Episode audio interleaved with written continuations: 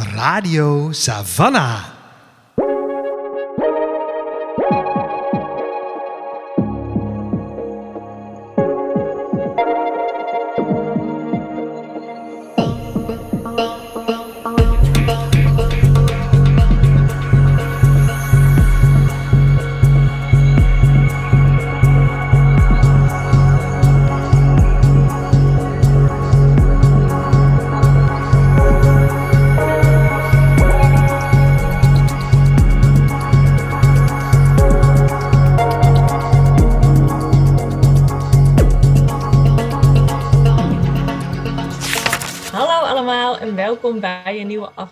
Van Radio Savannah, de podcast van Boekhandel Savannah B. Ik ben Suzanne. En ik ben Lola. En Boekhandel Savannah B is een onafhankelijke boekhandel in het centrum van Utrecht. We zijn gespecialiseerd in feministische literatuur. Voor ons wil dat zoveel zeggen als literatuur op het snijvlak van gender, queerness, decolonisatie en het klimaat. En in elke aflevering van deze podcast bespreken wij een boek, of een verhaal, of spreken we met een persoon die wij eh, extra in het zonnetje willen zetten. En deze maand is dat een eh, bijzonder boek. Een boek dat, als je dit luistert in maart 2022, nu nog boek van de maand is in eh Savannah Bay. Dat boek is Ruby Fruit Jungle, geschreven door Rita Mae Brown. Uitgegeven eh, heel erg onlangs in nieuwe vertaling door Orlando Uitgevers. De vertaling is van de hand van Geertje Lammers. En het nawoord in deze editie is van niemand minder dan Mariska Verbeek, eigenaar van Boekwinkel Savannah Bay. Juhu! Ja, Nou, eh, aanleiding genoeg om het eh, boek te bespreken, denk ik vandaag. let's do it. Toen we dit boek uitkozen om te bespreken vandaag, toen hadden we in ons hoofd, eh, zou het niet leuk zijn om een keer een klassieker erbij te pakken? Niet een heel nieuw boek, maar juist een boek wat al heel lang in de kasten staat, misschien met mensen die we misschien ooit een keer tijdens onze studietijd of die onze ouders tijdens hun studietijd gelezen hebben en dan te reflecteren op hoe zo'n verhaal dan blijft voortbestaan. Ehm, omdat Ruby Fruit Jungle net opnieuw is uitgegeven en vertaald, dachten we dat is een mooie aanleiding, laten we die klassieker erbij pakken. Ehm, en toen kwamen we er eigenlijk achter dat we een beetje ehm, in verwarring raakten van de kanonieke status van dit specifieke werk. Wellicht is Ruby Fruit Jungle meer een klassieker in Savannah B-kring dan over het algemeen. Tenminste, dat leerden we eh, door het nawoord van Mariska en na wat gegoogle over eh, zeg maar de, de naweeën van dit boek en de manieren waarop het wel of niet erkend wordt in verschillende lijstjes en prijzen en curriculi, et cetera. Het wordt misschien niet zo vaak meer gelezen als wij dachten. Wij dachten iedereen kent Ruby for Jungle. Maar misschien ken jij Ruby for Jungle niet. En misschien weet je ook helemaal niet wie Rita Mae Brown is. Zou maar zo kunnen. Dus mocht je het niet weten, Rita Mae Brown is een Amerikaanse schrijfster, geboren in 1944. Ehm, als je dit boek leest, wat een heel groot deel autobiografisch is, dan leer je al heel veel over haar leven. Rita Mae Brown is een Amerikaanse schrijfster, geboren in 1944. Ze is met name bekend van dit boek, Ruby Fruit Jungle, wat haar eerste, wat haar debuutroman ook is geweest. Het is een heel sterk autobiografisch verhaal, eh, wat dus eh, ja, in sommige kringen nog steeds heel erg beroemd is. Eh, naast dat ze beroemd is geworden met dit boek, is ze ook met name bekend als activist geweest. Ze is heel actief geweest in allerlei verschillende eh, activistische kringen, als het gaat over homoseksualiteit, als het gaat over mensenrechten, als het gaat over rassenongelijkheid. Daar is allemaal een grote rol in gespeeld. Er is ook altijd kritisch op geweest, maar daar is ze altijd actief in gebleven. Dus dat zou een kring kunnen zijn waar je haar ook uit kent.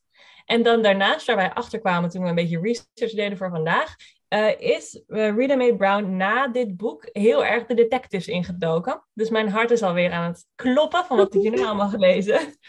Eh, ze heeft ontzettend veel detectives geschreven. Een hele serie over Mrs. Murphy. Een hele serie over de Sister Jane Mysteries. De Max Roger Mysteries. En daarnaast eh, heeft ze ook een aantal screenplays geschreven. Ze heeft namelijk ook aan haar filmschool geweest.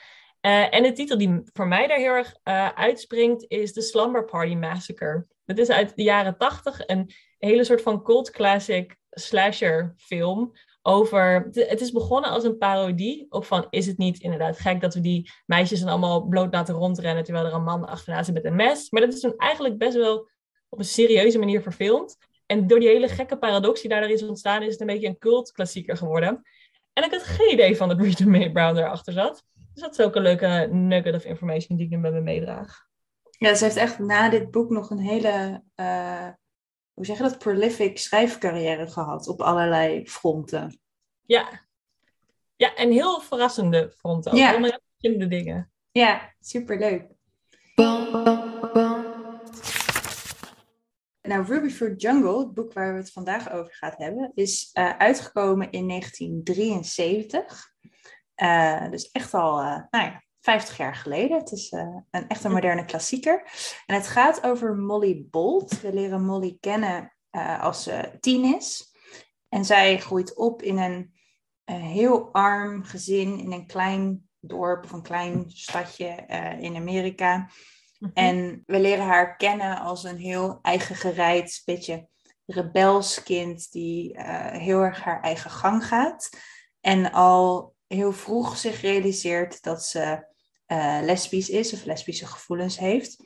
En ehm, dan vervolgens ze verhuist naar Florida. We, leren, we groeien eigenlijk met haar mee. Ze gaat naar New York op een gegeven moment. Ze gaat naar de universiteit. En eigenlijk keer op keer is er een bepaalde spanning tussen eh, hoe, hoe zij is en hoe zij in de wereld staat en hoe het Amerika van de jaren zeventig is.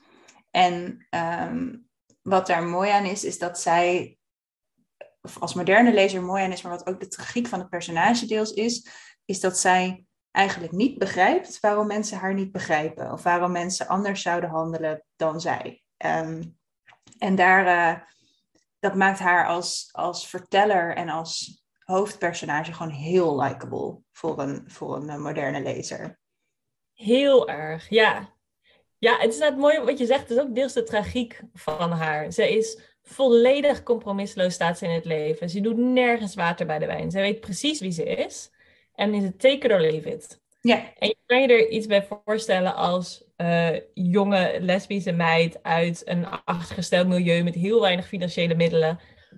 Ja, dat dat niet de, makkelijk, dat je, de makkelijkste manier van leven is. Het is niet Nee. de simpelste keuze. Maar voor Molly is er gewoon geen ander alternatief. Dit is wat het leven voor haar is en dit is hoe zij erin staat. ja, En het is deels tragisch, omdat je soms denkt: ach meisje, als je nou gewoon één keertje een beetje toegeeft, of dan zou je misschien een goede vriend kunnen hebben, of dan kan je daar naar school, of dan kan je iets, weet je wel, een warm bed krijgen. En aan de andere kant is het zo aantrekkelijk om haar gewoon geen fuck te zien geven om al die dingen. En volledig, zonder er ook maar bij na te denken, altijd trouw te blijven aan wat zij weet dat waar is.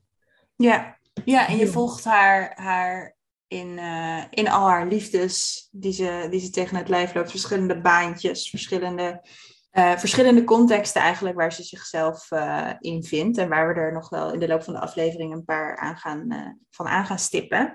En daarmee, ja, het is echt in die zin een hele traditionele coming-of-age roman. We- het opent wanneer ze ongeveer tien is en het eh, verhaal eindigt als ze afstudeert op haar 25ste ongeveer. Mhm. Ehm, dus we zitten echt in die hele ja, vormende levensfase ook met haar. Ja, en het doet ook wel, het leest ook voor een heel groot deel een beetje als een soort elevated YA Ja. novel. En dat komt deels inderdaad omdat het die leeftijdsfase is. Dus het is eh, een coming of age en een coming of sexuality en een coming of gender soort van verhaal. Eh, maar dus ook omdat dat zeg maar hele aspirerende protagonist die wordt opgevoerd, associeer ik ook heel erg met YA-boeken. Dus echt zo'n badass protagonist waarvan je denkt, ja, ik ga het net zo doen als zij. dat, Ja. dat, dat gevoel heb je ook heel erg bij dit boek. En dat vond ik wel verrassend eigenlijk. Ik had het niet verwacht dat dit boek me op die manier zou grijpen. Dat het zo zou lezen. Mensen zeggen soms wel van, oh, het, het, de, doorstaat de, de tand des tijds en het is nu nog steeds relevant. Dit boek is, ik kan me bijna niet voorstellen dat dit in de jaren zeventig geschreven is. Het voelt zo erg in de stijl van nu, de toon van nu, de realiteit van nu geschreven. Ja, er zitten wat verouderde dingen in, wat waar we nu gewoon anders over nadenken of andere woorden voor gebruiken. eh, zeker rondom seksualiteit en identiteit. Maar de, eh, het lezen van zo'n personage dat zo erg zichzelf is. Ik moest echt meerdere keren bij mezelf denken: oh ja, dit is niet een historische roman Mm. nu geschreven. Dit is toen geschreven. En en het was voor toen een hedendaags, hedendaagse roman. Ja, ik denk zelfs als het boek nu geschreven zou zijn, dan zou een deel van mijn kritiek zijn van ja, het is wel een beetje wishful thinking dat dit verhaal in die tijd plaats zou kunnen vinden. Maar er is Ja. inderdaad gewoon een boek uit die periode die zo vlot en zo compromisloos en zo expliciet. Ook de, de seksscènes zijn veel explicieter dan ik had verwacht. Ja. Dat, waar je mee weg kon komen in die tijd. Ja, ja en ook eh, de terminologie, gewoon, het woord lesbisch wordt gewoon heel veel gebruikt. Er wordt niet eufemistisch over gedaan. Ja. Eh, heel, eh, ja, ook compromisloos. Ja. En ik denk wel ook hier nu, eh, we moeten het maar vast een keer zeggen, misschien op het aan boord. Kudos naar Geertje Lammers voor de vertaling, want het Zeker. liep echt als een trein. Ja, zeker. Je hebt nergens die dat je een vertaling leest als dat een Nee. document is. Nee. Ja. nee, en ik denk, wat mij verraste aan dit boek ook, ik wist dus dat het een klassieker was en dat het om een lesbisch personage ging. Dat was het eigenlijk. En ik had het veel zwaarder verwacht Ja. dan, Ja. dan het eigenlijk was. Ik had een heel heftig boek verwacht en er zitten echt heftige dingen in, maar die worden nooit heftig gebracht. Het is heel Mhm. grappig. Ik heb echt Mhm. hardop gelachen meerdere keren. Mhm. Het heeft een bepaalde lichtvoetigheid of zo, die ik ook wel associeer met, eh, ja, deels wel met YA, maar ook wel met die tijd of zo. Een beetje, een beetje vlierenfluitig. Ja, ja. Ja, want de les- lesbische romans, met name lesbische romans van, die zijn uitgekomen tot zeg maar ongeveer tien jaar geleden, staan natuurlijk onbekend dat het altijd kommer en kwel is en ze gaan altijd dood en het is altijd zeg maar verschrikkelijk wat er allemaal gebeurt. Uh, hopelijk zit er dan ergens nog een, een leuke seksscène of een mooi commentaar in of zo, maar het is altijd tragisch. En dit Ja. boek helemaal niet. Nee, Nee. nee er, gebeuren, er gebeuren wel allemaal erge dingen. Zeg maar gewoon levensdingen. Er, Ja. overlijdt, een, er overlijdt een ouder, eh, eh, break-ups, Ja, gedoe. Maar niet, er wordt nooit, het is echt geen, geen tranendal. En daardoor is het ook extra schrijnend soms. Maar Ja. eh, in de toon verraste me heel erg, denk ik. Ja. We zeiden net al, ehm, heel veel van de conflict en de, de, de gebeurtenissen die ook zeg maar plot drijven en eh, Molly's leven vormgeven, die komen niet zozeer uit Molly zelf. Molly weet eigenlijk heel goed wie ze is, wat ze wil, hoe ze daar gaat komen. De meeste conflicten komen, ehm, vinden, komen voort uit haar confrontaties met anderen. En heel vaak gaat het over haar seksualiteit dat ze iemand ontmoet, dat ze daar een band mee opbouwt, dan vertelt ze dat ze lesbisch is, dan breekt dat af. Dat gebeurt op allerlei verschillende manieren door haar leven heen. Eh, maar ze bouwt ook veel vriendschappen op. Ze heeft een aantal lovers waar ze enige tijd mee samen is, die betekenis voor haar zijn. En zo zijn er dus telkens weer een soort van personages die komen en gaan door haar levensverhaal heen. Eh, heb jij bepaalde vriendschappen of lovers of andere personages die, je met, die er voor jou uitsprongen? Eh, ja, ik vond op een gegeven moment krijgt Molly op de middelbare school heeft ze twee vriendinnen, Connie en Caroline, of Carolyn. En, en zij zijn met z'n drieën echt een beetje partners in crime. En dat vond ik gewoon ontzettend gezellig. Ik zag dat helemaal voor me. Ehm, waarbij eh, eh, zij zijn, wat je ook moet weten over Molly is dat ze heel slim is. Dus zij is ook echt zo'n meisje dat, eh, waarvan ook wie dan kan denken, oh ja, zij gaat ook haar milieu ja, ontstijgen, maar even voor lekker for better words. Zij heeft in elk geval de, de intellectuele capaciteit om, nou ja, naar de universiteit te gaan, zich te ontwikkelen, ehm, buiten de mogelijkheden van de plek waar ze opgroeit. Eh, en zij zet die slimheid gewoon op een hele innemende manier in. Dus ze, ze halen kattenkwaad uit en ze, zorgen dat ze het goed regelen voor zichzelf eh, binnen met die drie vriendinnen. En dat ze op plekken van, uh, van invloed komen binnen de school. Dus een gegeven moment hebben ze het zo klaargespeeld dat ze alleen nog maar naar Engels hoeven. En dat ze verder eigenlijk van alle vakken op school vrijgesteld zijn. En omdat Molly zo likable is, wil ik dat voor haar. Dus daar werd ik heel, heel vrolijk van. Ik merkte gewoon dat ik haar heel erg ook die vriendschappen gunde. En hetzelfde gebeurt eigenlijk als ze uh, op de universiteit is. Dan ontmoet ze Vee, dat is haar, haar kamergenoot. Uh, deed me ook bijna een beetje denken aan uh, Liefde in de Grote Stad van Sang Young Park. Mm -hmm. Wat we aan het uh, begin van het jaar hebben gelezen. Heel ander boek. Maar wel ook zo dat twee mensen elkaar vinden in hun, in hun aankloterij met het leven, maar even. Om het zo maar even te noemen. En dan, en dan samen zo'n zo'n onverslaanbaar, of ogenschijnlijk onverslaanbaar duo vormen. Uh, voor in elk geval een korte tijd. Maar dan inderdaad op een gegeven moment in, in beide gevallen uh, ontstaan er toch gevoelens en relaties die, waardoor mensen, uh, nou ja, waardoor dit, ook dit soort vriendschappen slecht aflopen.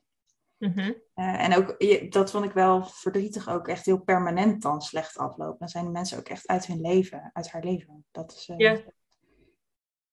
ja, klopt. Er zijn er een paar mensen die echt blijven. Dat zijn met name een beetje mensen uit haar jeugd of misschien ja. zelfs haar familie. Ik was zelf heel erg onder de indruk van Leroy. Ja, dat Leroy was ook heel leuk. Ja, dat is zeg maar haar soort van ride or die toen ze echt nog jong was. Dus hij is haar neefje. Um, ze zijn ongeveer dezelfde leeftijd, ze groeien samen op. Uh, en ze experimenteren ook met dezelfde soort dingen tegelijkertijd. En hij is een beetje een soort van haar tegenhanger. Uh, en ze hebben ook een soort gelijke problemen eigenlijk waar ze tegenaan beginnen te lopen. Dus Molly is, wordt gezien als niet vrouwelijk genoeg, niet meisjesachtig genoeg. Qua kleren, ze speelt te veel buiten, ze speelt alleen met jongens. Dus ze wordt daar aangemoedigd om dat te veranderen. En Molly zegt gewoon nee, strijd eraan, ik doe wat ik zelf wil. Ik ben wie ik zelf ben. En ze is daar dus heel ja, compromisloos in, wat we al zeiden. Leroy heeft in diezelfde periode eigenlijk een beetje loopt er tegenaan dat mensen hem niet mannelijk genoeg vinden. Dat hij te veel huilt of dat hij niet stoer genoeg is. En hij kan daar eigenlijk niet hetzelfde in staan als Molly. Hij bewondert haar daar deels om, maar hij kan dat zelf niet opbrengen. Dus daarin zie je dat die vriendschap ook al deels af begint te brokkelen. En je ziet ook dat als ze elkaar later in de roman nog tegenkomen, dat ze gewoon heel verschillende strategieën hebben gekozen. En ook op heel andere soorten punten eindigen. En daarin zijn ze eigenlijk een soort van elkaars tegenpolen. En Leroy laat eigenlijk zien wie Molly had kunnen zijn als zij ja, eigenlijk niet was wie ze was, maar als ze meer een soort van lean in ja. filosofie had uh, geadopteerd. Ja, en Leroy heeft de, Molly heeft de luxe dat ze heel, luxe, maar dat ze heel intelligent is. Dus zij kan in die zin ook op zichzelf vertrouwen van ik kom er wel op de een of andere manier. En Leroy heeft, ja, het leren gaat hem gewoon moeilijk af. Hij blijft volgens mij drie keer zitten of zo uiteindelijk.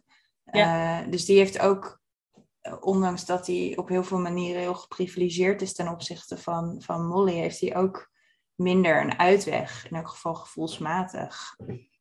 En tegelijkertijd benoemt uh, Molly ook op verschillende punten in het boek, met name als ze vriendinnen krijgt die um, financieel stabielere achtergrond hebben, zeg maar, uh, benoemt ze ook dat die compromisloosheid, compromisloosheid van haar, die, die, die, die principes die waar ze aan vasthoudt, zegt ze, die komen ook voort uit mijn gemarginaliseerde positie. Dit is alles waar ik op kan bouwen. Dit is het enige waarvan ik zeker weet dat het er is, dat het er altijd zou zijn. Als ik dat los zou laten, dan heb ik niks meer. Dus die principes zijn echt haar hoeksteen. Het ja. is enige fundament wat ze eigenlijk heeft om te bouwen. Ja, echt haar anker. Ja. ja. Maar het is wel, wat er daardoor wel gebeurt, is dat ze, uh, dat is heel jammer, maar ze is heel eenzaam eigenlijk. En dat wordt niet echt benoemd. Um, het heeft ze ook niet per se dat ze daar heel veel last van lijkt te hebben, in ieder geval niet in de vertelling. Maar ik merkte dat ik als lezer heel erg haar gunde zo'n moment van, oh, dit zijn mijn mensen. Of hier voel ik me thuis, of dit is mijn, mijn gemeenschap, of de, de mensen die mij echt begrijpen. En dat lukt niet. Nee. En, daar lijkt ze ook niet vreselijk naar op zoek te, staan, te zijn of open voor te staan. Nee. Uh, dus misschien dat daar ook een bepaalde wisselwerking gaande is. Um, maar doordat, ja, ze is zo eigen gereid en uh, zo op haar eigen pad. En vanuit haar, met haar eigen kompas in haar hand of zo. Mm dat ze mensen ook moeilijk toelaat. Een van de personen die dat heel erg in haar aanmoedigt, gelijk al vanaf het begin in haar leven, is haar vader, Carl. Um, ze, is, ze is geadopteerd, maar de ouders met wie ze opgroeit zijn Carrie en Carl. Um, en die hebben eigenlijk allebei een heel andersoortige relatie ook tot uh, Molly. Die ik wel ook heel, ja, ook wel deels verdrietig, maar ook heel interessant vond om uh, uit te zien spelen. Dus aan de ene kant, um, Molly groeit dus op in dit gezin. Uh, met weinig financiële middelen, met weinig toekomstperspectief eigenlijk voor haar ouders, die eigenlijk al hebben een soort van opgegeven. dit is gewoon de situatie waar we zitten. Ja, hier gaan we nooit meer uitkomen. Uh, het enige wat we kunnen doen is kijken of onze kinderen misschien een beter leven kunnen hebben dan, dan wij hebben gehad en, en nog gaan hebben. Um, en de vader die probeert uh, Molly daar heel erg in aan te moedigen. Die bewondert Molly ook heel erg voor haar, daadkracht, assertiviteit, out of the box denken, compromisloos leven. Die probeert het ook aan te moedigen, want die zegt: Dit is wat ervoor gaat zorgen dat jij een ander leven gaat krijgen dan wij. En haar moeder is er veel meer, bijna een soort rancuneuzer over die naar de dochter kijkt en denkt: waarom, waarom denk je dat jij dat wel verdient terwijl dat ik nooit, dat nooit heb gehad? Denk je dat je beter bent dan ik? Wat neem jij? Zorgt dat ook bijvoorbeeld dat uh, ze is ook bang dat Molly daardoor op haar, op haar neer gaat kijken. Dus daar zit veel meer wrijving in. Uh, en die, die, dat beïnvloedt ook de relatie tussen die twee ouders weer. Ja, en Carrie, die moeder, is ook veel meer bezig met Molly in een hokje te duwen waar ze het niet in wil meer dan die vader. Die vader heeft zoiets van, dit, dit komt wel goed. Als we haar gewoon laten gaan, dan komt ze wel op haar pootjes terecht. En haar moeder is heel oordelend ook over, je bent niet meisjesachtig genoeg. Of waarom doe je ook altijd dit? Of waarom doe je ook altijd zus of zo? Ja. Ehm, en dat is, dat is echt een groot verschil tussen die twee. Ja, en die dynamiek die komt eigenlijk vrij in het begin van het boek al naar voren. En um, we dachten, lezen een stukje voor om even te laten horen hoe Brown's stem ook werkt door, de, door het verhaal heen. En ook hoe die relatie in het gezin dan, die toch wel een beetje de hoeksteen is, of het fundament is waarop Molly in de rest van haar leven relaties gaat bouwen, hoe die um, eruit ziet. Um, een beetje um, voorkennis voor deze scène. Molly met de daadkracht en de, de hoe zeggen we dit? Met de energie die zij in het leven heeft, heeft deze dag uh, een meisje wat hij heel irritant vindt. Uh, een tand door de lip geslagen. En ze wordt door haar moeder uh, bestraft door uh, thuis te moeten blijven, moeten leren vrouwenzaken op te pakken en niet zoveel meer buiten rond te rennen met de jongens. als reactie daarop sluit Molly haar moeder op in de kelder voor een aantal uur en laat daar soort van in de gaar koken. Ik weet niet eens in de hoop van wat, maar als een soort gut reaction op de situatie, een soort weerstand bieden. En die avond hebben haar ouders dan ruzie over de situatie. Uh, het begint als volgt. De enige keer dat ik Carl ooit heb horen schreeuwen en reken maar dat de rest van het huis hem ook hoorde. Gary, dat kind is levendig en bij de hand. Dat moet je niet vergeten. Die kleine steekt ons allemaal in haar zak. Ze drie was, begon ze al helemaal zelf te lezen. Zonder dat iemand van ons haar hielp. Je moet wat meer rekening houden met haar verstand. Het is een prima kind. Alleen af en toe een donderstraal, meer niet. Het kan me godverdomme niet schelen hoe knap ze is. Ze gedraagt zich niet normaal. Een meisje hoort niet de godganse dag met jongens rond te rennen. Ze klimt in bomen, sloopt auto's. En het ergste is nog dat zij de lakens uitdeelt en dat ze luisteren ook. En wat ze moet leren om aan de man te komen, dat wil ze gewoon niet weten. Een vrouw kan nog zo pinter zijn, zonder man redt ze het op deze wereld toch niet. Zoals de zaken nu staan, kunnen wij een meisje niet laten leren. De jongens gaan voor. Die moet het brood op de plank krijgen. Je vindt die hersens van haar veel te belangrijk. Molly gaat naar college. Kletskoek. Mijn dochter gaat naar college. Jouw dochter, jouw dochter, laat me niet lachen. Dat is ook voor het eerst dat je dat hebt horen zeggen. Het ongelukje van Ruby Drollinger, dat zul je bedoelen. Waar blijf je nou met die Larry over jouw dochter? Ze is mijn kind, alsof ik haar echte vader ben en ik zorg voor haar. Echte vader. Hoe durf jij over echte vaders te spreken? Als je een echte vader was, dan had je een echte dochter gehad. En dat was niet zo'n onbehouden secreet geweest als waar je nu voor opkomt. Dat zou een echt dametje zijn geworden. Zoals Cheryl Spiegelglas. Jouw dochter, ik kots van je. Lieverd, je bent totaal verstuur. Je zou jezelf eens moeten horen. Molly is van jou, precies alsof ze je eigen kind was. Een kind moet ouders hebben en jij bent haar moeder. Ik ben haar moeder niet, ik ben haar moeder niet, gilde Carrie. Ze komt niet uit mijn lijf. Florence heeft kinderen gehad en die zegt dat het anders is. Zij kan het weten. Ze heeft zelf gezegd dat ik nooit zal begrijpen wat het is om echte moeder te zijn. Wat weet jij daarvan? Mannen weten daar niks van. Mannen weten niks. Je proeft hopelijk in zo'n kort fragment al de ja, dat het verhaal ervan afspat. Ik weet niet hoe ik het moet zeggen. De, hoe makkelijk dit leest. Hoe zeer je wordt meegezogen uh, in deze dialogen en in, deze tekst, in het korte fragment. Nou is een van de belangrijkste thema's in dit boek is Molly's seksualiteit. Um, en dat is ook een van de redenen waarom het een, uh, een beroemd boek is geworden. Uh, omdat het daar zo expliciet over gaat. Omdat het geen doekjes omwindt dat zij lesbische relaties heeft. Um, en wat is van alles over te zeggen. maar wat er wel heel, ehm, heel leuk aan is, in elk geval aan hoe Molly zich een soort van verhoudt tot haar seksualiteit, is dat zij er heel matter of fact over is. Dus ze is heel erg, ehm, ze merkt op een gegeven moment, oh, ik voel me, er, ze heeft dan een soort ja, experimenteervriendinnetje, noem ik het maar even, met wie ze uh, een keer en uh, met wie ze dan gaat vrijen in de bosjes en zo. Mm en ik zei, nou, dit vind ik leuk en dit voelt veel beter dan als ik dit met jongens doe. Maar ze gaat ook daarna nog wel weer eens met jongens naar bed. En het is daar heel, um, nou ja, wat we al eerder zeiden, compromisloos over. Maar ook heel, dus argeloos bijna. In elk geval tegenover zichzelf. Er is nergens een grote crisis of een soort um, diep inzinkingsmoment van, oh nee, wat erg. Wat betekent dit voor mijn leven? En, en ze, ze lijkt heel erg met de wind mee te waaien. En af en toe komt het er goed uit. Ze heeft eigenlijk volgens mij gedurende haar hele middelbare schooltijd heeft ze nog een vriendje met wie ze dan af en toe naar bed gaat. Want dat is gewoon wel handig en wel leuk. En haar vriendinnen hebben ook een vriendje. Dus dan, dat, dat is wel fijn en dat is oké. Eh, maar ze weet ook dat dat niet is qua, qua emotionele en seksuele voldoening. Nou, zo kabbelt dat eigenlijk een beetje voort. Heel erg vanuit haar perspectief dan, hè? Ja. Uh, dat vond ik heel leuk om te lezen. Ja, en dat is ook weer een van die momenten waarop de roman veel moderner lijkt dan hij eigenlijk is. Omdat dat is juist een slag die we nu aan het maken zijn. Dat niet elk coming-of-age verhaal van een queer personage alleen maar moet gaan over een soort coming-out.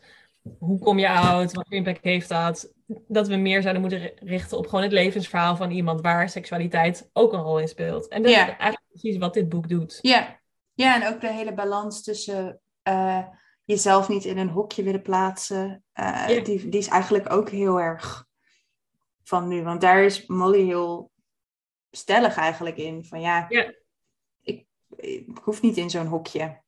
Nee. En, en niet per se in het hoekje van, van soort van traditionele vrouwelijkheid uit die tijd.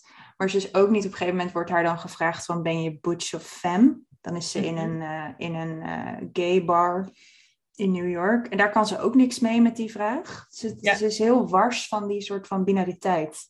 Ja, ja, ze, ze, ze heeft zo'nzelfde houding ook naar soort van hokjes die haar misschien minder direct uh, raken. Dus bijvoorbeeld als het gaat over ras en etniciteit, heeft ze ook, name als ze dan naar het zuiden verhuist, waarin er nog aparte wc's en zo zijn voor mensen van kleur en voor witte mensen, daar kan ze ook helemaal niks mee. Nee, ze dus, snapt uh, dat gewoon niet. Dat komt niet.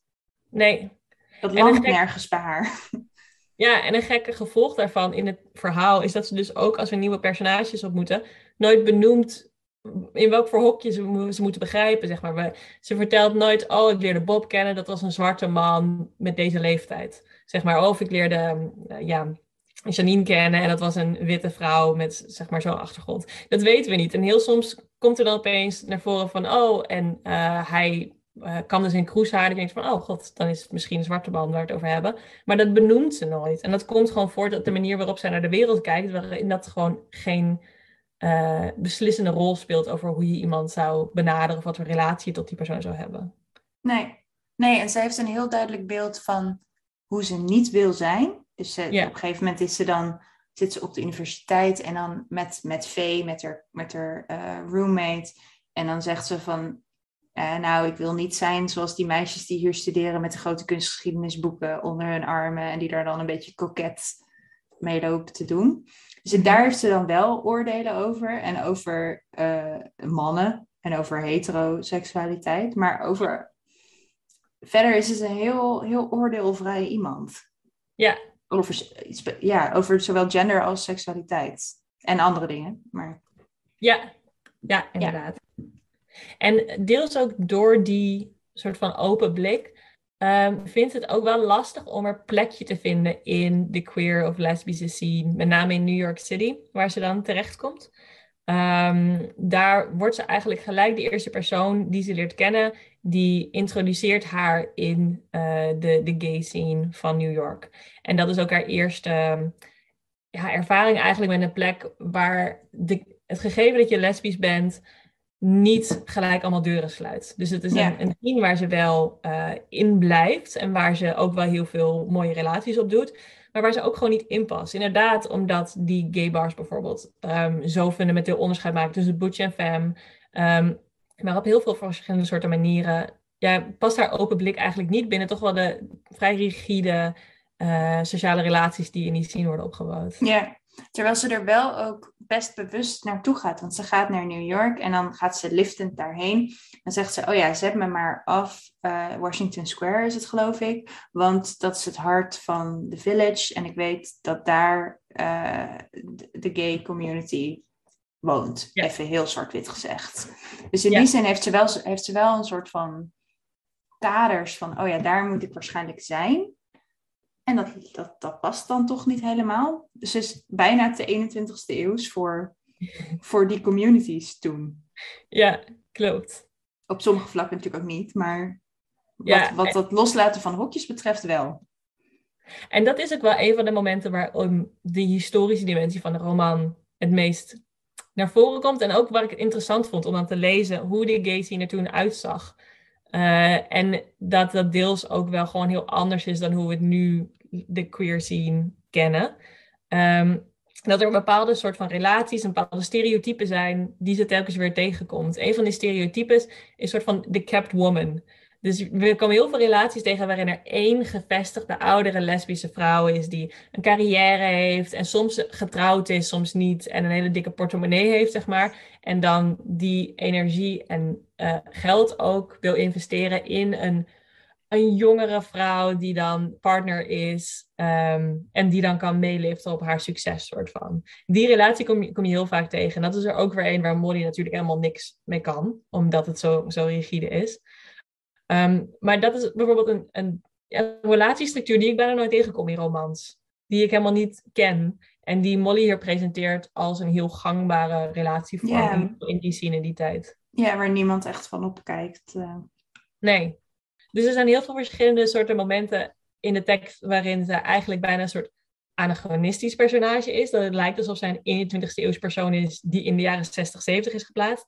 En er zijn ook wel elementen die soms terugkomen waarvan je denkt van, goh, dat is inderdaad anders dan hoe we het nu zien. En dan lijkt het inderdaad meer, de historische dimensie komt dan meer naar boven. Ja, ja. Als het gaat om seksualiteit in dit boek, dan is eigenlijk een van de, van de meest gedenkwaardige scènes en, uh, is uh, de scène met de grapefruitman, Ronnie. en um, Ronnie is een man dit, we, zitten in New York, dus uh, Molly is ongeveer nou, begin twintig. En heeft net, is aan de hand van, van de jongen die ze aan, toen ze daar net aankwam heeft ontmoet, Kelvin, is ze, de, is ze New York een beetje aan het leren kennen. Maar ze heeft natuurlijk geen geld, dus ze moet geld verdienen. En dan zegt Kelvin, nou, ik heb echt een topmanier voor jou om geld te verdienen. Want je kunt, als je nu naar Ronnie toe gaat, die komt klaar als je grapefruits naar hem toe gooit. En dan zegt um, Molly zegt dan, je kan me wat, Kelvin. En dan zegt uh, Kelvin, nou ja, weet je, het is zo, je krijgt er 100 dollar voor. Uh, hoppatee, doe het. Misschien goed om daar even over te vertellen, is dat Molly naast dat ze allemaal beurzen krijgt omdat ze zo slim is, ook allemaal beurzen heeft gehad omdat ze zo atletisch is. Oh ja. ja, en dan, uh, Molly denkt dan, oké, okay, grapefruits, nou ja, 100 dollar is me veel waard. En dan uh, gaat ze naar, uh, naar Ronnie toe, nou ja, voor dit avontuur. Dat gaat als volgt. Ronnie had een enorm dubbel appartement aan de Hudson. Een plafond vol spotjes en meubilair van het dure, chroomstalen types. Zo op het oog zag je niet aan hem dat hij het met grapefruits hield. Hij droeg geen fruitsymbolen om zijn hals en had evenmin geborduurde pitten op zijn overhemd. Hij gaf mij een hand en nam me mee naar een andere kamer. Kelvin bleef in de grote woonkamer wachten en at een peertje. Ook dit was weer een zaal van een kamer die eruit zag als de studio van een fotograaf. Er stond alleen niets in behalve een berg grapefruits, als kanonskogels opgestapeld. Ronnie kleedde zich uit. Hij was behoorlijk gespierd en had een toef haar tussen zijn borsten. Hij liep naar het andere eind van de kamer en bleef daar bevend staan. Ik verwachtte zo half en half dat Carmen Miranda de kamer in zou komen stuiven met een reusachtige bananenhoed op. Toen hij zag dat ik aarzelde, zei hij vriendelijk: Oké, schatje, ik ben zover. Dus pakte ik een grapefruit en gooide die naar hem toe. Lullig, ik miste. Hij kletterde tegen de muur. Dit is toch moeilijker dan ik dacht. Ik pakte er nog een en mikte zorgvuldig. Pats, precies in het midden. Hij keerde van genot en kreeg een stijve pik. Het valt eigenlijk wel mee. Ik gooi graag met dingen. Ik was er nu echt op uit om Ronnie te raken. Ik mikte op zijn pik. midden in de roos. Hij genoot. Ik mikte op zijn linkerschouder. Schampte hem alleen maar. Toen begon ik grapefruits af te vuren als de artillerie van Stonewall Jackson bij Manassas. Paf, kletter, klets. Ronnie jankte als een gewonde hond en ik gooide nog harder en mikte vooral op zijn met pulp overdekte dijen en zijn pik. Toen ik aan de onderste laag grapefruits toe was, begon ik me ongerust te maken dat ik er misschien meer nodig zou hebben om hem klaar te krijgen. Maar Ronnie kende zichzelf heel goed, want, er, want terwijl ik een van de laatste vier grapefruits oppakte, kwam hij met een boog plakkerig vocht klaar en zakte in elkaar op de grond, een hoopje voorbijgenot.